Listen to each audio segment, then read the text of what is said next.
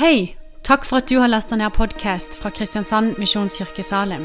For å finne ut mer om oss, besøk vår hjemmeside på kmsalim.no. Eh, menighetens kraft, det er et stort tema. Og, det som er med sånn eh, Når du blir spurt om å komme og holde et, et tale midt inn i en serie, så vet du ikke hva de har sagt før, og du vet heller ikke hva de skal si etterpå. Så da gjelder det bare å søke Herren om hva du skal si. Eh, og det måtte jeg gjøre, og jeg har landa på noe som, eh, som, jeg tror, eh, som jeg tror det var meningen jeg skulle si i dag. Men hvis det ikke, så får dere klage til Asbjørn Lunde. Det er han som har lurt meg ut på dette. Han sa at hvis det er vanskelig med, med tema, for jeg hadde litt travelt Jeg kom fra Oslo i går kveld, så, sa han, så, så kan du ta noe valgfritt.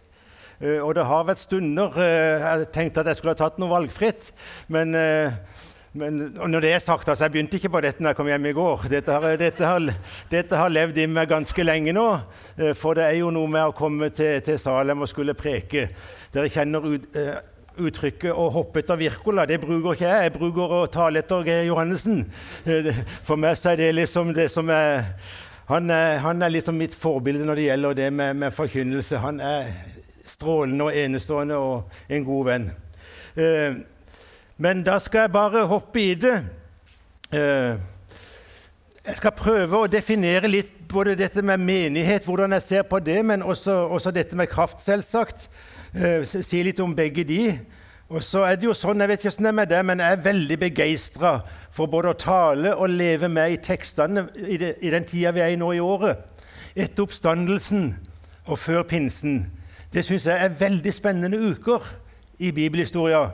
Eh, og det er veldig spennende uker i, i, i, eh, i kirkeåret å, være i den der spenninga mellom når Jesus var stått opp og hadde gjort det som han kom for å gjøre, og til han da forlater disiplene, og de må vente på kraften. Jeg syns det er ufattelig spennende. Jeg takker ja til enhver forespørsel om å tale i den perioden der, for det, for det kjenner at det, det fyller meg med en enorm begeistring å snakke om hvordan Jesus møtte disiplene etter, etter oppstandelsen og før pinse. Og ikke minst hva kraften som de fikk, gjorde med dem. Men det kommer vi tilbake til litt seinere, for dere som blir sittende helt til slutt av prekenen.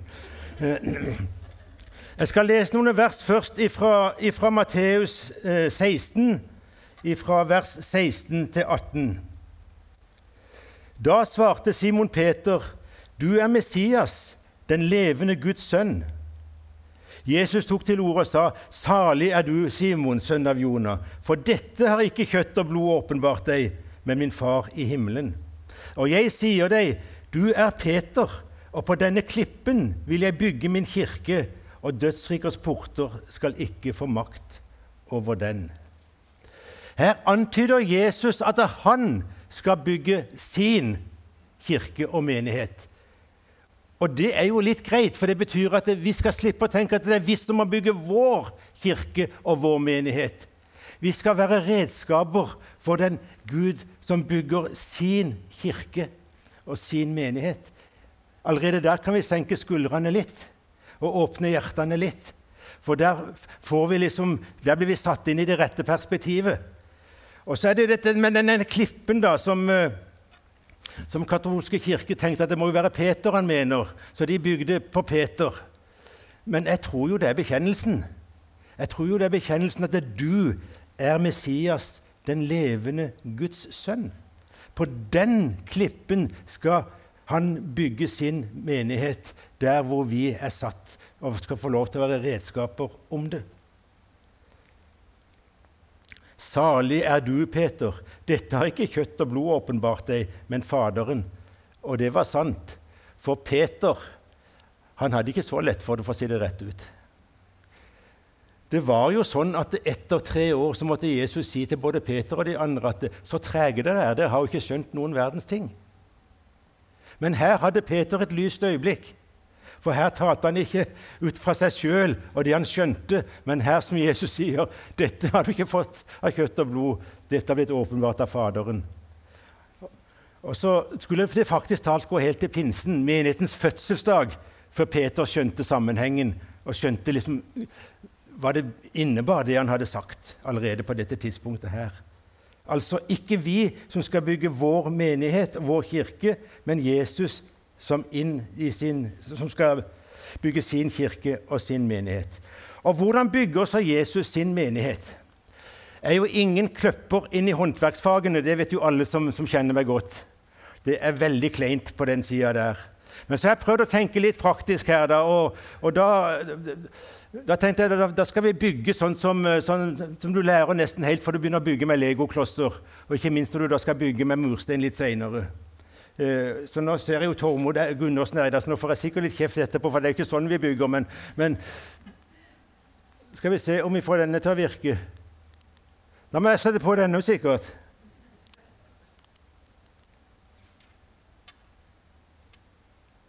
Det var opp, Geir Åge. Uff, ja, der var han. Der var han. Se det.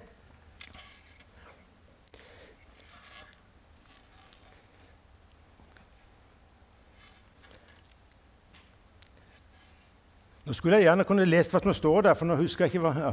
Dere er bygd opp på apostlene og profetenes grunnvoll, med Kristus Jesus selv som hjørnesteinen. Han holder hele bygningen sammen så den vokser til et hellig tempel for Herren. Her ser dere en grunnmur. Jeg er ikke noen stor tegner, men, eh, men, dette er så enkelt at selv barn kan skjønne det, og da skjønner voksne det òg som regel. Her ser dere en grunnmur som er bygd på apostlenes og profetenes grunnvoll, med Kristus som hjørnesteinen. Jesus er hjørnesteinen, og så er det apostlenes og profetenes grunnvoll. Og Apostlene det er jo Det nye testamentets formidler av Guds frelsesplan, mens profetene var Det gamle testamentets formidlere av Guds frelsesplan. Og de er med i grunnmuren, de er med i grunnvollen. Men Kristus må være hjørnesteinen, og han må alltid være det. For hvis forholdet til Jesus blir skeivt, så blir hele greia skeivt. Så Derfor er det viktig kjære venner, at menigheten alltid er bygd på Jesus Kristus som hjørnestein. Ser vi denne figuren fra sida, så ser vi at det er det samme her. Det er Kristus, og så er det profetene og apostlene, og så er det vi menneskene da, som legges til denne bygningen. Og Der står det i 1. Peter og bli selv levende stener som bygges opp til et åndelig hus. Vi er mennesker som bygges på denne plattformen som vi legger gjennom profeten, apostlene og med Kristus som hjørnestein. Så blir vi da byggverket som skal danne denne menigheten. Og så er Det jo sånn at det finnes eksempler på hvordan selv en god grunnmur allikevel ikke kan bli helt sånn som du hadde tenkt med byggverket. Her har vi grunnmuren på plass. Så er det ikke så mange steiner med medlemmer med her. Og de, de, står ikke så veldig tett sammen heller. De kjører helst sitt eget løp.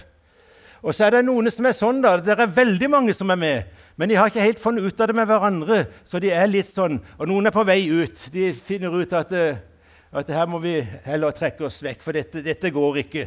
Eh, og så, så, blir det litt bråkete, det hele.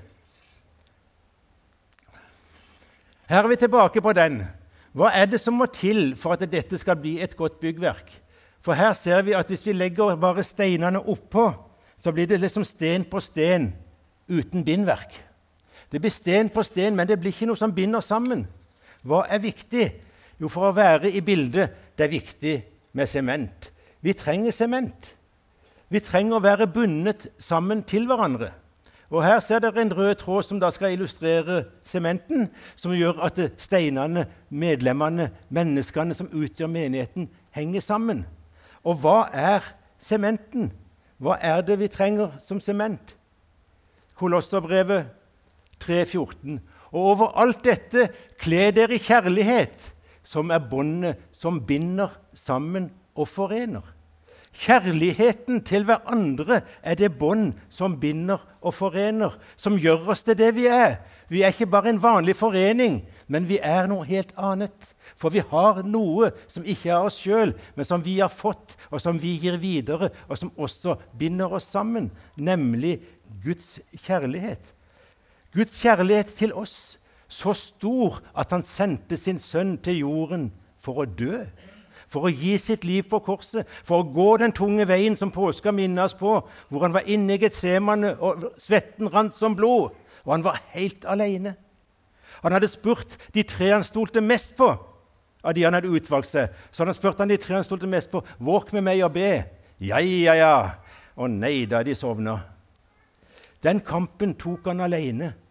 Og ikke forled deg til å tro at det var noe enkel kamp. Det er den tøffeste oppgaven noe levende menneske noensinne har gjort og kommer til å gjøre. Når Jesus helt alene måtte rope til Faderen 'Ta dette fra meg!' Men heldigvis så la han til 'Dog ikke som jeg vil, men som du vil'. La oss aldri fristes til å tro at Jesus ikke kunne ha sluppet. Jesus kunne ha sluppet. Men av kjærlighet til deg og meg så var han villig til å gå hele denne veien. Han var villig til å gi avkall på sitt eget, til å fornedre seg selv og bli lydig til døden, ja, korsets død. Hvorfor det? Av kjærlighet til deg og meg. Om så bare for en som sitter i Salem 30. april 2023, så var Jesus villig til å ta den tunge veien. Det er kjærlighet. Det er kjærlighet. Og så har vi kjærlighet til hverandre. Iallfall er det sånn det skulle være. Vi er jo frelste syndere av alle slag. Herligheten og mye rart det er iblant oss. Og det skal vi takke Gud for. Mangfold er bra. Kjærlighet til frelste syndere av alle slag. Og så står det jo om kjærligheten da, at den tåler alt. Den kristne kjærligheten tåler alt. Og det står til og med i det der kjærlighetens kapittel hos Paulus så blir de stående, disse tre. Tro, håp og kjærlighet. Og troen er viktig, det vet vi. Håp er viktig, for det klamrer vi oss til. Men så sier han forlaten med det, og størst av dem er kjærligheten. Kjærligheten til våre søsken, til våre medmennesker, er faktatalt det største. De sa om de første kristne se hvor de elsker hverandre. Og det i seg sjøl var et vitnesbyrd og et middel til å nå ut til stadig flere i den første kristne menighet. Som en sa til meg, at dersom ikke vi finner ekte kjærlighet i menigheten, hvor i all verden skal vi finne det da? Og det har jeg tenkt på, nei, hvor i all verden skulle vi finne det da? I en verden hvor kjærlighetsbegrepet nok er litt utvannet, sånn som vi leser om det andre steder. Det er folk som elsker både det ene og det andre, og det er kjærlighet til både det ene og det andre. Men kjærligheten, Guds kjærlighet, kjærligheten vi som kristne skal ha til hverandre, det er det som virkelig tar tak. La meg ta en, en annen byggesak. Bygge jeg blir så glad i å bygge når jeg holder på med dette. Her er, her er muren ferdig. Dette er en annen mur. Dette er faktisk talt den muren som eh, profeten Nehemja hjalp folk med å gjøre når Israel skulle bygge opp igjen, for det var så mye som lå i grus. Og så sa, og så sa profeten Nehemja at eh, at eh, ja, men vi må, vi må bygge dette. her. Det, han hadde fått tro til Herren, vært i bønn lenge, fått tro til Herren på at de skulle klare å bygge opp igjen det som lå i grus. Og Så begynner de å sette det i gang, men så møter de på motstand. Og så sier fienden, de må, når de var nesten ferdige, de må ikke merke noe før vi plutselig står og tar For de står langt fra hverandre på muren, så de må ikke merke noe før vi plutselig står og tar dem og gjør ende på arbeidet. De sto langt ifra hverandre på muren. Og Hva sier Nehemja da? Da sier Nehemja arbeid er stort og hvitt, og vi står spredt på muren langt fra hverandre. Kjære venner, vi står ikke så langt fra hverandre, for vi samles jo som regel fysisk veldig tett. Men er det ikke sånn dere, at vi ofte kan stå litt langt fra hverandre i andre ting? Vi kan stå litt langt fra hverandre. Det er en broder som mener noe annet enn meg. Jeg flytter meg litt. Jeg vil ikke stå for tett på han. Eh, det er noen som har et annet syn. Det er noen som, som ser annerledes, som har andre meninger, som har andre ja, fordommer, eller hva det måtte være. Andre holdninger. Og så tenker vi at eh, Nei, vi må bare finne Vi, vi står for Sånn må det være. Men det må jo ikke det. For står vi langt fra hverandre, så er vi mye lettere å bytte. Føler vi at vi står alene med, med, med, med vårt kristeliv. For dere er, kjære venner, selv om ikke dere kanskje vet det Jeg har møtt på folk som føler seg ensomme og alene selv i en menighet. De finnes. Og sånn burde det ikke være, for da er de løse steiner på byggverket, samtidig som de står litt alene når motstanderen er der og skal gjøre ende på arbeidet. For vi har jo med en som ønsker at ikke vi skal lykkes. Så det er om å gjøre at vi ser hva vi har i hverandre. Så Nehemja gikk inn for Gud i bønn igjen han, og tenkte at dette må vi finne en ordning på. Det er tøft å stå alene. Og det han gjorde Da da sa han at det skal stå en trompetblåser ved hver håndverker. Og hvis dere blir angrepet, hvis dere får problemer av noe slag, så skal dere gi til kjenne det med et støt i basunen. Og skal vi gjøre da? Da skal vi samle oss der. Og så står det så fint så skal Herren stride for oss så skal Herren stride for oss. Når vi som kristne samler oss i bønn, når vi samler oss og står som en enhet og står der sammen, ja, så strider Herren for oss, og da har vi en enorm kraft. Da har vi en enorm kraft. Og da skal vi gå over til, til det som, uh, som er det andre. Jeg snakka litt om menigheten, så det var litt om kraft og hvor overveldende hans kraft er hos oss som tror. Hvor overveldende hans kraft er hos oss som tror. La meg lese der fra Efesene, for, for det står i en veldig flott sammenheng. Må han gi, deres, må han gi dere lys til hjertets øye så dere får innsikt i det håp han har kalt dere til. Hvor rik og herlig hans arv er for de hellige, og hvor overveldende hans kraft er hos oss som tror. Med denne veldige makt og styrke reiste han Kristus opp fra de døde og satte han ved sin høyre hånd i himmelen, over alle makter og åndskrefter, over alt velde og herredømme, og over alle navn som kan nevnes, ikke bare i denne tid, men også i den kommende. Alt land under hans føtter, og ham, hodet over alle ting, ga han til kirken, som er Kristi kropp, fylte han som fyller alt i alle. Det er jo nesten så ikke vi skjønner dette, tenker jeg. Den kraften som reiste Kristus opp fra det døde, den har han gitt til menigheten, til kirken. Det er samme kraften vi snakker om. Og Av og til kan vi høre at uh, folk spør, jeg kan bli spurt om jeg tror du Gud kan det. Tror du Gud kan det? Så jeg, Gud kan jo alt. Hvis vi tror på en skapelse, hvis vi tror på en forsoning, hvis vi tror på en oppstandelse, ja, hva i all verden skulle være umulig for Gud? Den kraften som reiste Kristus opp fra det døde, er den samme kraften han har betrodd til menigheten, til oss som kristne, til vårt fellesskap. Det er jo helt utrolig. Jeg skjønner hvorfor han skriver 'måtte vårt hjertes øye få lys'. For dette kan vi ikke gripe rent sånn intellektuelt eller med, med det fysiske å se det. Har noe, hjertet har jo ikke noe øye sånn rent biologisk, så vidt jeg vet. Jeg er ikke noen ekspert på, på medisin heller, men, men, sånn. men, det er jo noe vi kristne sier, at dette kan vi bare gripe i tro. Det er noe vi kristne sier, at dette på en måte ligger på et annet plan. Og dette for meg ligger på et litt annet plan enn det jeg skjønner og begriper. Men det står faktisk talt at vi har den samme kraften i vår menighet som reiste Kristus opp fra det døde. Det er kraft, det.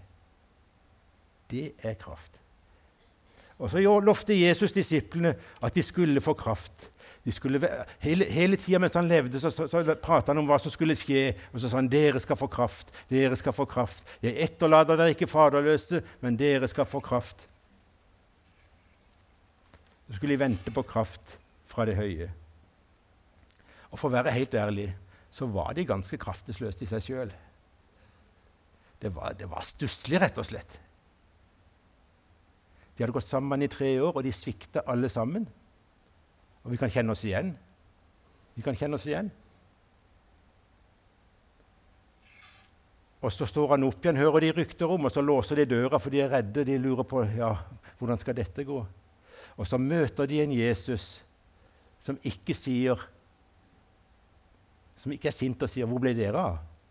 Som ikke sier 'Jeg er så skuffa over at dere sovna'. Men en Jesus som møter dem med 'Fred være med dere', full tilgivelse, full oppreising, og ikke minst at han sier, 'Dere er mine vitner'. De skal få lov til å få en ny sjanse. De får en ny sjanse. Jeg har tenkt på det altså, sånn, i den tid vi lever i nå, ikke minst vi som er litt interessert i fotball. Hvis det er noen som ikke leverer, så blir de bytta ut. Og jeg har tenkt at uh, de leverte ikke helt i tida før påske. Og de leverte for så vidt ikke helt i tida etter oppstandelsen heller. Men Jesus han sier at det er dere det er dere som jeg satser på. Det er dere som er mine venner. Det er dere som er mine vitner. Og jeg har tenkt på åssen i all verden kunne han Han hadde ikke mange ukene å gjøre på. Tenk på det. Fra oppstandelsen til pinse eller til, til himmelfarten det er ikke mange ukene. Vi skulle kanskje tenke han ville bruke tida iherdig for å finne noen andre som kanskje skjønte hva han snakka om, istedenfor disse som var trege til å tro.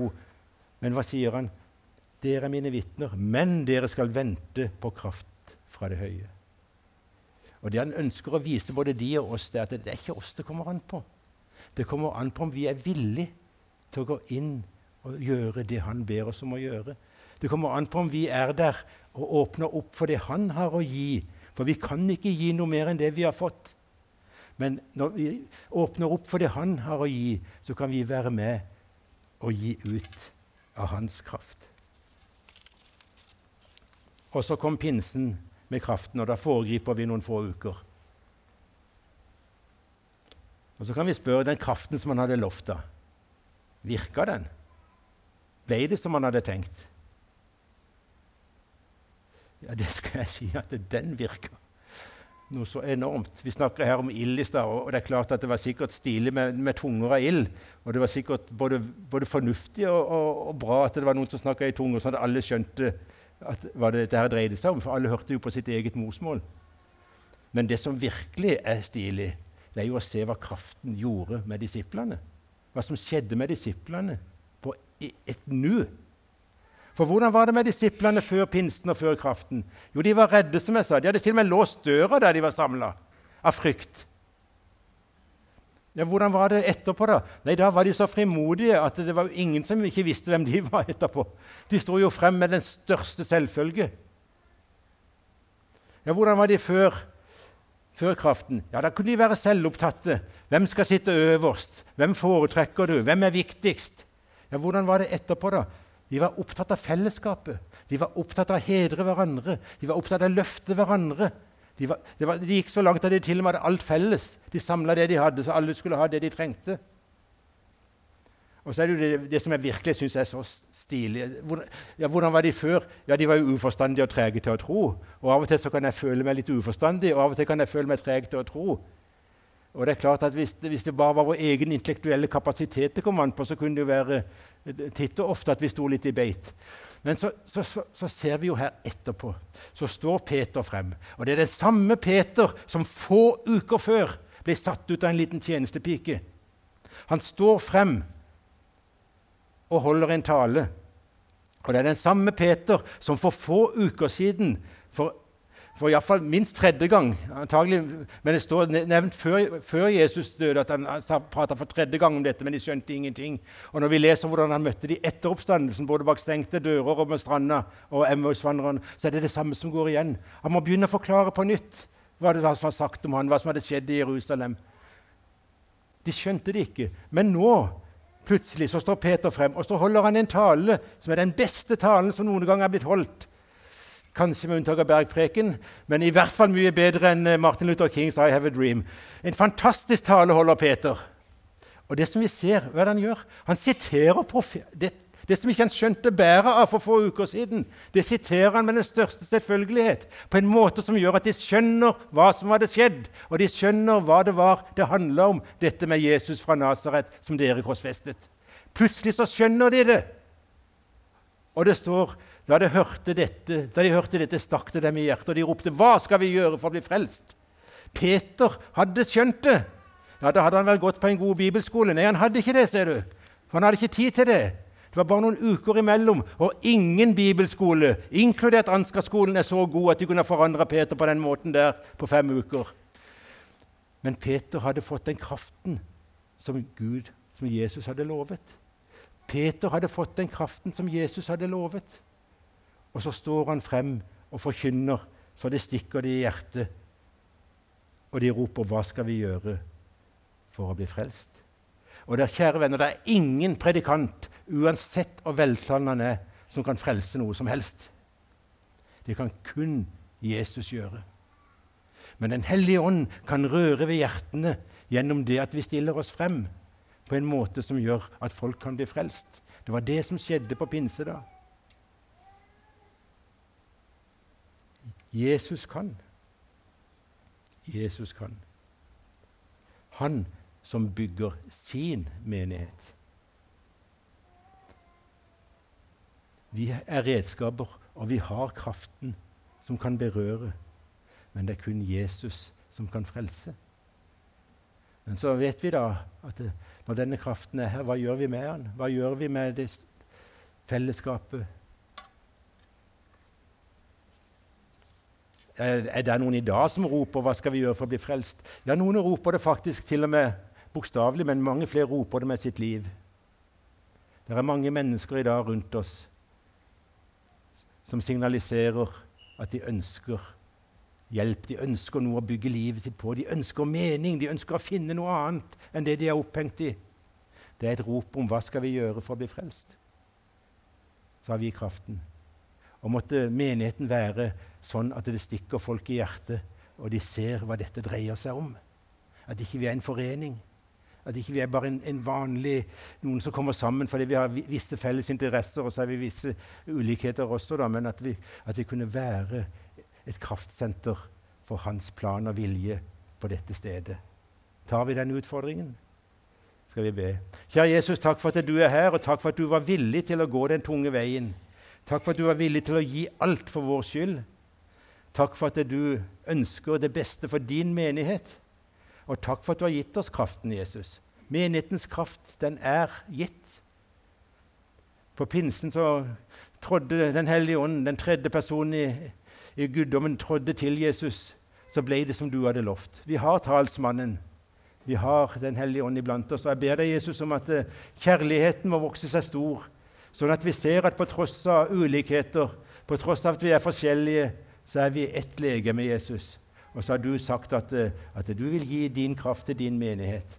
Jeg ber for dette stedet at du skal være med denne menigheten, sånn at den kan være en raus menighet med åpne dører, der folk kan komme inn og bli berørt av det de møter.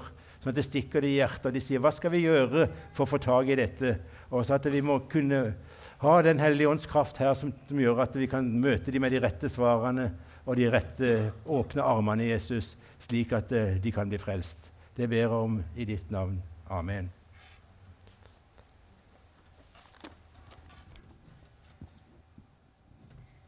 Nå skal jeg synge en sang eh, som, eh, som er egentlig det å bøye seg ned for Jesus.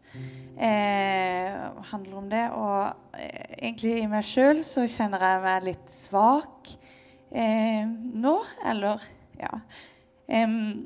Og det er jo liksom Det å be og lese i Bibelen Jeg har kanskje fem minutter i løpet av en hel dag, for jeg har en liten gutt. og